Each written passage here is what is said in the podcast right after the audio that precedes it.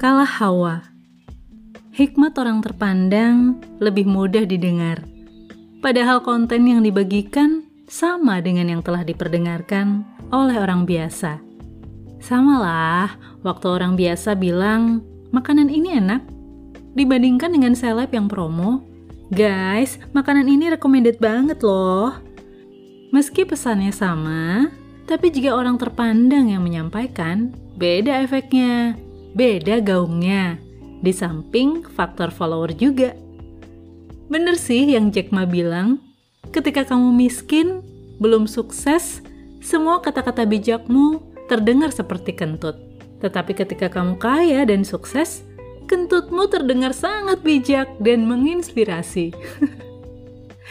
Kalau kamu punya nasihat, hal yang telah teruji, dan ada yang mau dengar meski kamu belum sukses-sukses amat, orang itu perlu dijaga. Sebab ia memandang nasihat murni sebagai nasihat, bukan karena siapa yang memberi nasihat.